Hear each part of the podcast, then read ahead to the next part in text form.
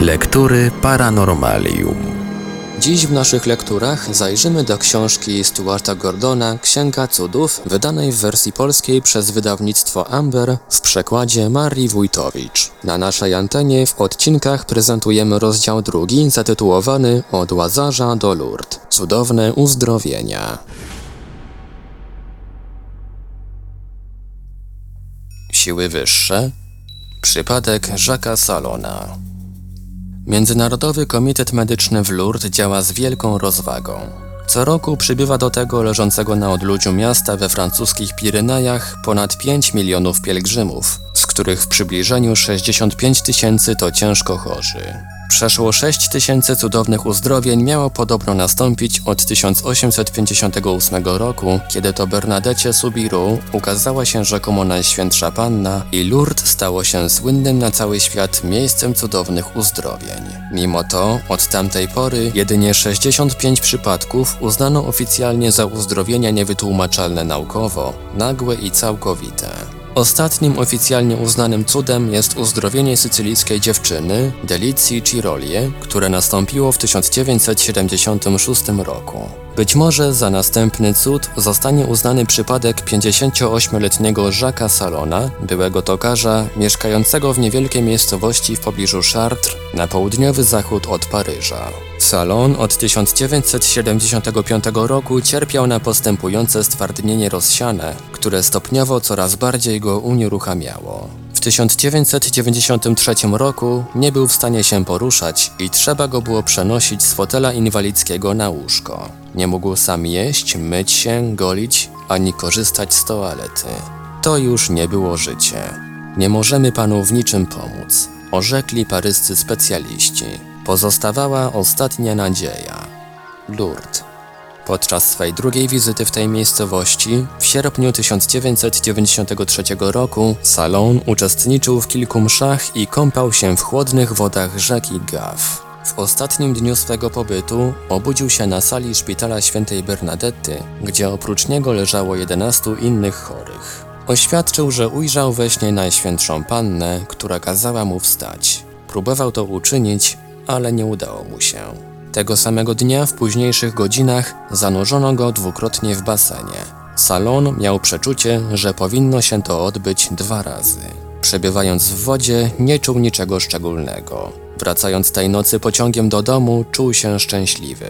Był pewny, iż Najświętsza Panienka przyszła do niego, żeby go pocieszyć. Następnego dnia już w domu zrobiło mu się nagle strasznie zimno, potem poczuł nieznośny żar. Powiedział do swojej żony Jacqueline: Dostałem jakiegoś ataku, strasznie źle się czuję. Nieoczekiwanie jego dłonie rozwarły się. Po raz pierwszy od wielu lat. Zaskoczony podniósł je, a potem wstał bez niczyjej pomocy i wszedł do niewielkiej jadalni.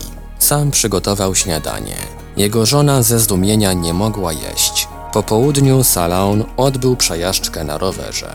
Gdy wrócił do domu jego syn, Cyril, ojciec chwycił go w ramiona i zaczął nosić, podobnie jak przez całe lata syn nosił jego.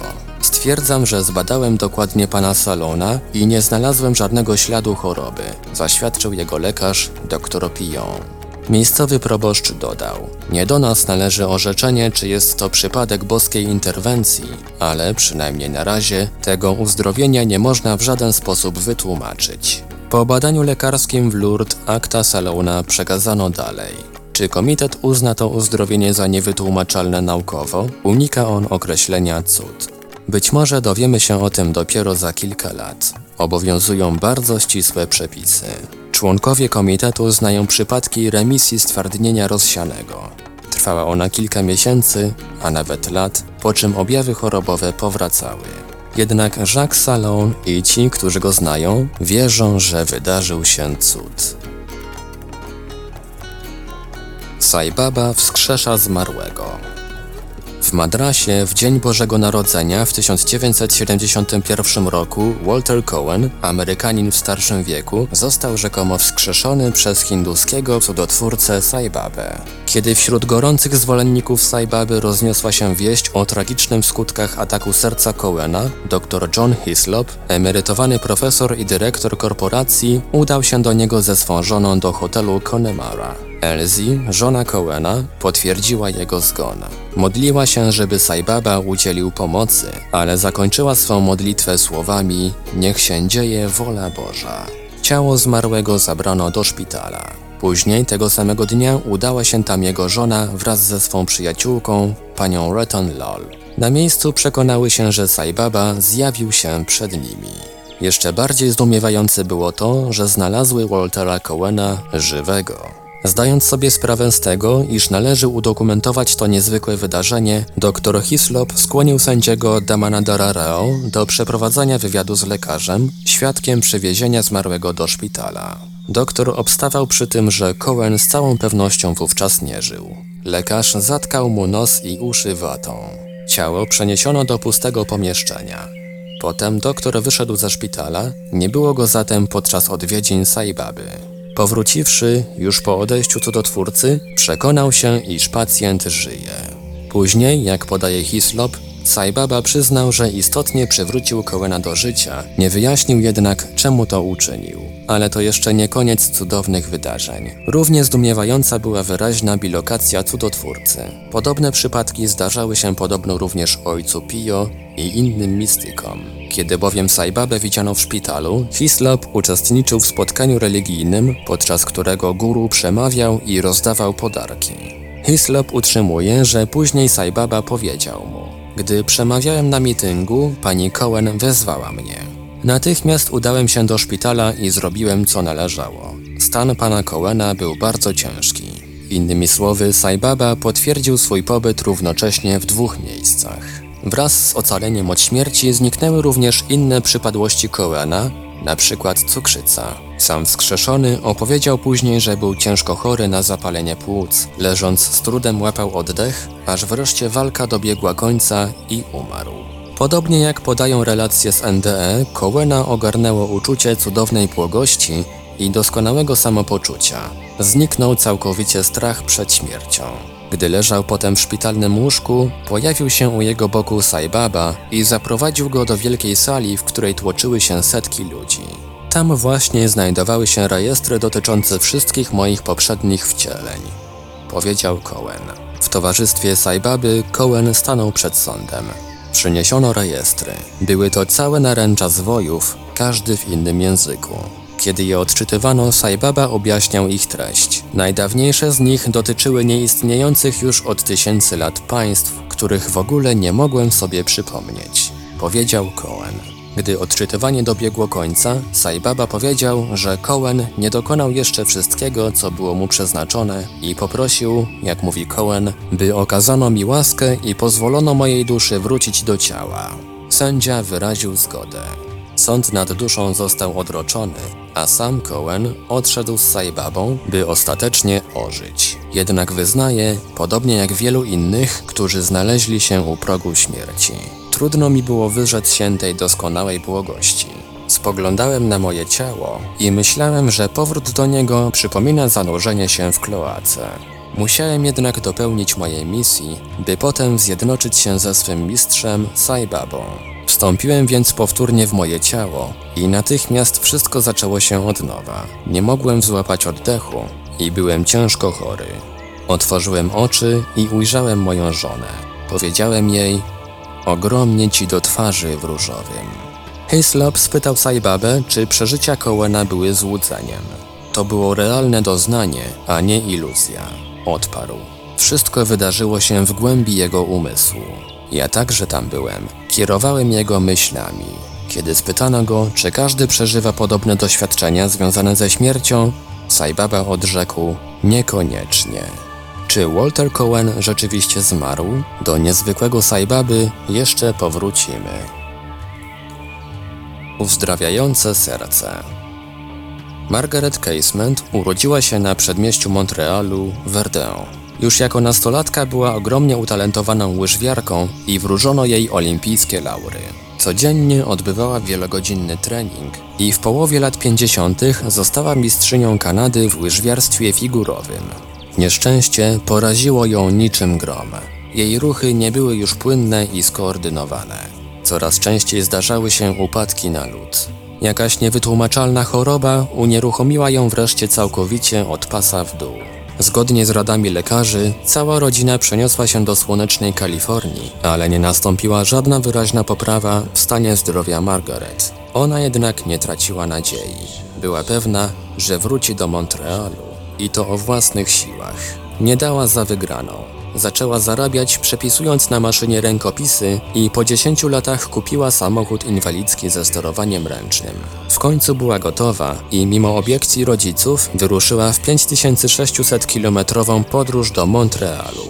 Nie wiedziała czego szuka, ale przybywszy tam w zimny, dżdżysty jesienny dzień, bezwiednie skierowała się w stronę kaplicy świętego Józefa. W tej wielkiej, krytej kopułą budowli sakralnej, wzniesionej z granitu na zboczu Góry Królewskiej, znajduje się, podobno cudotwórcze, serce brata André, niepiśmiennego zakonnika, uzdrowiciela, który zmarł w początkach naszego stulecia. Serce, umieszczone w szklanej kasecie, stoi na przypominającej ołtarz płycie kamiennej w niewielkiej krypcie kaplicy.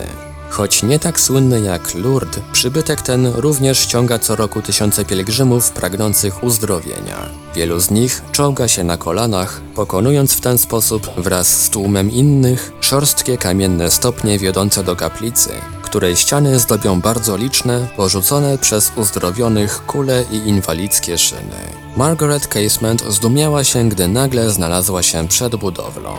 Wyznała później, to z pewnością nie było miejscem, do którego świadomie udałabym się w pierwszej kolejności. Wątpię, czy w ogóle bym pojechała. A jednak znalazła się właśnie tam. Rozłożyła składany fotel inwalidzki i wjechała po rampie do przypominającej pieczarę słabo oświetlonej kaplicy. Miała wrażenie, że dokładnie zna drogę. Znalazłszy się w okrągłej, nisko sklepionej krypcie, ujrzała serce brata André, zawieszone w przeźroczystym płynie, umieszczone tak, by każdy, zdrowy czy kaleki, mógł je wyraźnie zobaczyć. Zbliżając się do marmurowej płyty, na której stało serce, w pewnym momencie Margaret uświadomiła sobie, że wstała, by mu się lepiej przyjrzeć. Z wrażenia omal nie opadła z powrotem na wózek. Nie wiedzieć czemu czuła się winna. Co ona tu robi? Nie była nawet katoliczką. To wprost zdumiewające. Zwierzyła się później, ale zupełnie nie kojarzyłam swego powrotu do zdrowia z pobytem w kaplicy. Nie odczułam żadnego kontaktu z niebem, ani niczego w tym rodzaju. Chyba moją pierwszą reakcją było poczucie, że nie wiem, co mam teraz zrobić. No bo jak tu zgłosić, że zdarzył się cud? Dobre pytanie. Nie było przy tym żadnych świadków. Gdy Margaret wróciła do Kalifornii, już nie jako kaleka, nikt jej nie wierzył. Przyjaciele sądzili, że poddała się jakimś skutecznym zabiegom na Wydziale Medycznym Uniwersytetu McGilla. Łatwiej było uwierzyć, iż po 15 latach nieuleczalnego paraliżu wystarczyło kilka medycznych zabiegów pod nadzorem wykwalifikowanej kadry niż w cud. Choć chętnie wierzymy w cudowne lekarstwa, do cudów odnosimy się sceptycznie. Nawet najbliżsi krewni Margaret byli zupełnie rozstrojeni jej rewelacjami i woleli obstawać przy tym, że szok nagłego powrotu do zdrowia zakłócił jej równowagę psychiczną. Lektury Paranormalium. Człowiek leczący AIDS. AIDS jest chorobą dotychczas nieuleczalną. Wszyscy o tym wiemy. Osoba, u której stwierdzono istnienie wirusa HIV, musi być przygotowana na nieuchronną śmierć. W Kenii i Ugandzie bardzo częste są przypadki zarażania AIDS drogą kontaktów heteroseksualnych. Nazywają tam AIDS chytrą chorobą. Niektórzy utrzymują, choć brak im konkretnych dowodów, że plaga ta zrodziła się w tej właśnie części świata. 17-letnia Juliet N., jej nazwiska nie podano, zatrudniona w amerykańskim zespole immunizacyjnym, była dziewicą. Pewnego wieczora w lipcu 1989 roku na przedmieściu Kampali została napadnięta i zgwałcona przez mężczyznę chorego na AIDS. Z początkiem 1990 roku pojawiła się u niej nowotworowa zmiana skórna nosząca nazwę mięsaka Kaposiego. Następnie zaczęły występować chroniczne bóle głowy i symptomy przypominające malarię. Na języku miała tyle ranek, że nie mogła jeść ani pić. Niebawem stwierdzono u Juliet obecność wirusa HIV. Już wcześniej choroba ta zabrała jej brata, siostrę i wielu przyjaciół. Omal nie oszalałam i myślałam wyłącznie o samobójstwie, opowiada Juliet. Nie chciałam doczekać tego straszliwego konania. Nie zwierzyła się rodzinie ze swej tragedii, to też, jako że ważyła już mniej niż 38 kg, nosiła teraz bluzki z długimi rękawami i spódnice pozwalające ukryć podrażnienie skóry. W krańcowej rozpaczy udała się wreszcie do uzdrowiciela, pastora Simeona Kaiły i stanąwszy przed nim zemdlała. Powiedział on Juliet, że tylko Bóg jej pomoże. Zostanie przez niego uleczona. Nie uwierzyła mu, ale nie mogła liczyć na nic innego. Pastor obiecał, że będzie się modlił i pościł w intencji jej powrotu do zdrowia, a ona musi postępować podobnie. Przypomniał, że Bóg to nie formułka teologiczna, ale istota, która wysłuchuje próśb swego ludu. Opowiedział swój sen. Bóg ukazał mu górę, która zaczęła się kurczyć i wreszcie znikła. Wytłumaczył mi, że tak właśnie zniknie z twego ciała AIDS, rzekł. Jednak test, któremu poddała się Juliet, a po nim dwa następne, nadal wykazywały obecność wirusa HIV. Pastor Kaiła obstawał jednak przy tym, że Juliet nie umrze. Obiecał, że trzykrotnie odprawi modły w jej intencji, potem zaś dziewczyna musi znów udać się do swego doktora. Pod koniec 1991 roku wynik testu na HIV okazał się negatywny. Następny również. Juliet poddała mu się jeszcze trzykrotnie i za każdym razem wynik był ujemny. Kiedy matka zauważyła, że dziewczyna przebiera na wadze, spytała, co spowodowało poprawę zdrowia. To działanie Jezusa, odparła Juliet. Jej jedyna pozostała przy życiu siostra, także chora, skontaktowała się z pastorem Kaiła. Teraz jest już zdrowa i chodzi dwa razy w tygodniu do szpitala modlić się za chorych, mówi Juliet. Modlitwa jest najskuteczniejszym lekarstwem, jakie znam. Albo, jak jej lekarz John powiedział Rochelle Gibler z redakcji czasopisma Miracles, tam gdzie kończy się ludzka wiedza, zaczyna się Bóg. Pastor Simeon Kaiwa twierdzi, tu w Ugandzie cuda zdarzają się na porządku dziennym. 41-letni duchowny był kiedyś wykładowcą na Wydziale Sztuki Uniwersytetu w Makerere. Otrzymał wówczas dar uzdrawiania. W końcu rektor wezwał mnie do siebie i kazał wybierać między Bogiem a uczelnią. Nie był to trudny wybór. Pastor Kaiła Założyciel chrześcijańskiego bractwa Namirembe, liczącego 2 miliony członków i posiadającego ponad 2000 własnych kościołów w Ugandzie, przywrócił do zdrowia podobno co najmniej 30 osób chorych na AIDS, m.in. Juliet. Dr Jane Bosa, dyrektor szpitala akademickiego w Makerere, potwierdziła, że wyniki testów Juliet są nadal negatywne. Lekarkę zdumiało również wyleczenie przez pastora Kaiłę pielęgniarki Irene Najdża, która miała olbrzymie wolę. Zniknęło ono, gdy siostra Najdża pomodliła się razem z pastorem. Jednego dnia była wyznaczona na operację, a kiedy ją ujrzałam następnym razem, wola już nie było. Gdy poproszono ją o wyjaśnienie tego przypadku, dr Bowsa odparła. Doprawdy nie potrafię tego uczynić. Kiedy zadano pytanie, czy mogła nastąpić spontaniczna remisja, lekarka tym razem zadała dwa pytania. Czemu wobec tego owa remisja musiała zaczekać, dopóki Iren nie spotkała się z pastorem Simeonem? I dlaczego trzeba było przedtem się pomodlić?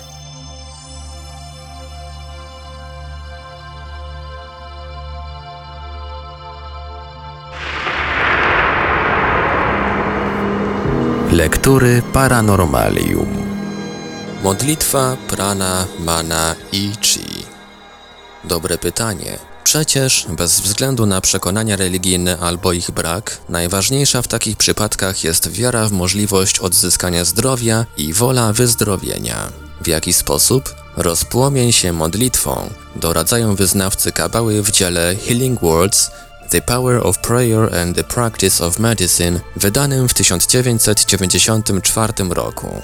Dr Larry Dosey z Santa Fe w Nowym Meksyku twierdzi, że modlitwa, będąca również powodem wymiernych zmian w innych powiązaniach życiowych, może dopomóc w powrocie do zdrowia nawet ludziom stojącym dosłownie nad grobem, choć, jak zastrzega autor, zdarza się to jedynie w 20% przypadków. Cóż to ma znaczyć? Że w pozostałych 80% przypadków wiara zawodzi? Dosey mówi, że modlitwa opiera się nie tylko na potędze Najwyższego, wprawia ją w ruch istota ludzka. Dodaje też, nawet jeśli wydaje się, że modlitwa lub próba zmiany samego siebie zawodzi, zawsze może nastąpić uleczenie, nie w sensie fizycznej dematerializacji nowotworu czy wady serca, lecz czegoś znacznie bardziej cudownego. Uświadomienie sobie, że naszej prawdziwej, wyższej jaźni nie mogą zaszkodzić ataki jakiejkolwiek fizycznej dolegliwości. Arthur Girdam, były starszy konsultant w dziedzinie psychiatrii Państwowej Służby Zdrowia w zachodniej Anglii, określił uzdrawianie psychiczne jako zwrócenie we właściwym kierunku energii dobra. Owo dobro zdefiniował jako manifestację światła, będącego pierwotną, a zarazem ostateczną rzeczywistością. Dodał też, rodzaj schorzenia, czas i osobowość są ze sobą ściśle związane. Podstawą leczenia psychicznego jest to, że odbywa się ono na płaszczyźnie, na której zarówno lekarz, jak i pacjent nie są skrępowani czasem w sensie niezmiennej kolejności wydarzeń. Amerykański chirurg Bernie Siegel po wielu latach pracy wśród chorych na raka podkreśla znaczenie fenomenalnej energii, którą można wyzwolić dzięki opanowaniu negatywnych emocji i nazywa bezwarunkową miłość najpotężniejszym stymulatorem systemu immunologicznego. To uczucie dosłownie leczy. Brzmi to zupełnie jak wypowiedź Saibaby. Wystarczy, że kultywowana jest miłość, która nie czyni różnicy między własną osobą a kimś innym. Przypomina też chrześcijańskie przykazanie: miłuj bliźniego jak siebie samego. Nawiasem mówiąc, pokrywa się także z hasłem, które w 1967 roku rzucili Beatlesi. All you need is love. Potrzeba ci tylko miłości. Sprawa jest wszystkim dobrze znana. Może nie. Jeśli jednak chodzi o dowód naukowy, to nie można go uzyskać, przynajmniej w systemie, który zaprzecza wszystkiemu, co nie zgadza się z narzuconą przezeń definicją realności. Istnieją wszelako inne systemy. Niektóre znajdują się od dawna w zasięgu naszej ręki, na przykład dawna teza, że energia witalna czy siła życiowa przenika cały świat i wszystko, co się na nim znajduje, włącznie z nami. W ostatnich stuleciach ta koncepcja była rzadziej kwestionowana na wschodzie niż na zachodzie.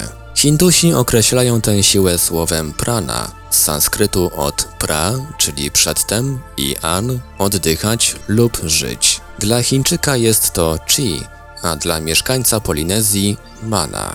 Według Chińczyków to siła psychoelektryczna pochodzenia słonecznego, objawiająca się w ciele fizycznym w postaci dwóch przeciwstawnych biegunów yin-yang negatywny, pozytywny. Na umiejętnej manipulacji tą siłą opiera się leczenie akupunkturą, a także chiński system jogi zwany Qigong. Podobnie jak w hinduskim systemie jogi Kundalini, celem jest wyzwolenie Chi za pomocą ośrodków energii znajdujących się w ciele eterycznym podczas procesu oświecenia. Mogą się wówczas rozwinąć różne zdolności, między innymi moce uzdrawiające.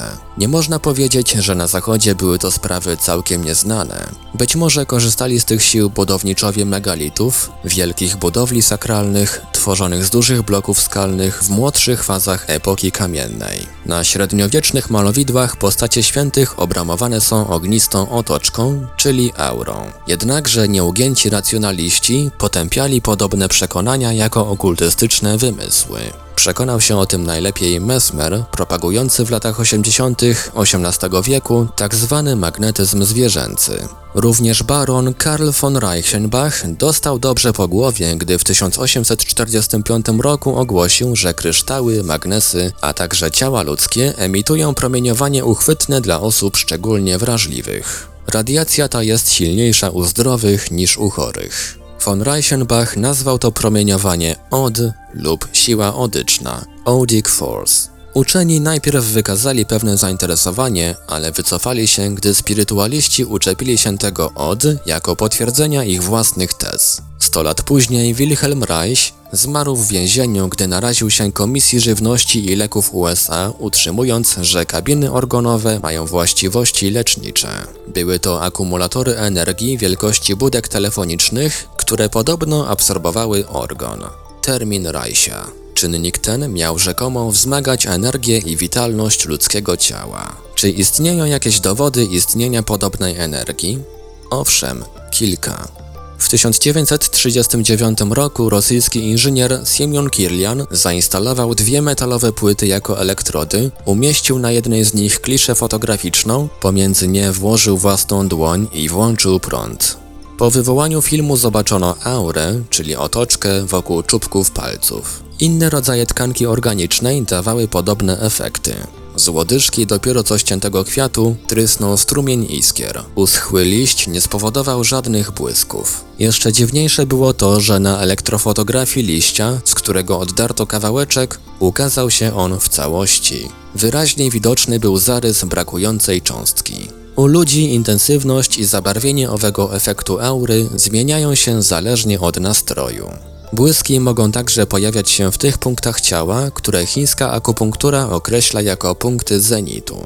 Dr Wiktor Iniuszyn z Uniwersytetu w Aumaacie utrzymywał, że efekt otoczki świadczy o istnieniu plazmy biologicznej. Czyżby to było ciało astralne opisywane przez spirytystyczne media? W Instytucie Neuropsychiatrii wspomnianego już Uniwersytetu Kalifornijskiego UCLA sfotografowano błyski energii wykryte przez Kirliana. Iskry sypały się z palców uzdrawiaczy, których działalność dosłownie wypompowuje z nich energię. Jeśli chodzi o modlitwę, Dowsey nie znajduje żadnych dowodów działania jakiejkolwiek energii. Gdyby modlitwa była energią w konwencjonalnym rozumieniu tego słowa, siła jej powinna słabnąć w miarę zwiększania się odległości, a tak się bynajmniej nie dzieje. Dodaje też, że gdyby to była energia, można by zastosować osłonę przed efektami jej działania, ale okazało się to niewykonalne.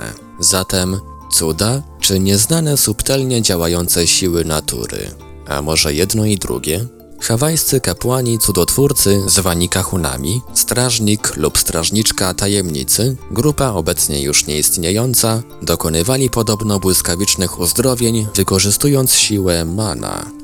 Czyżby dysponowali wiedzą, o której większość z nas nie ma pojęcia? Był to fragment książki Stuarta Gordona Księga Cudów. Na naszej antenie prezentujemy w odcinkach rozdział drugi. Dalszy ciąg w kolejnym odcinku Lektur Paranormalium. Lektury Paranormalium.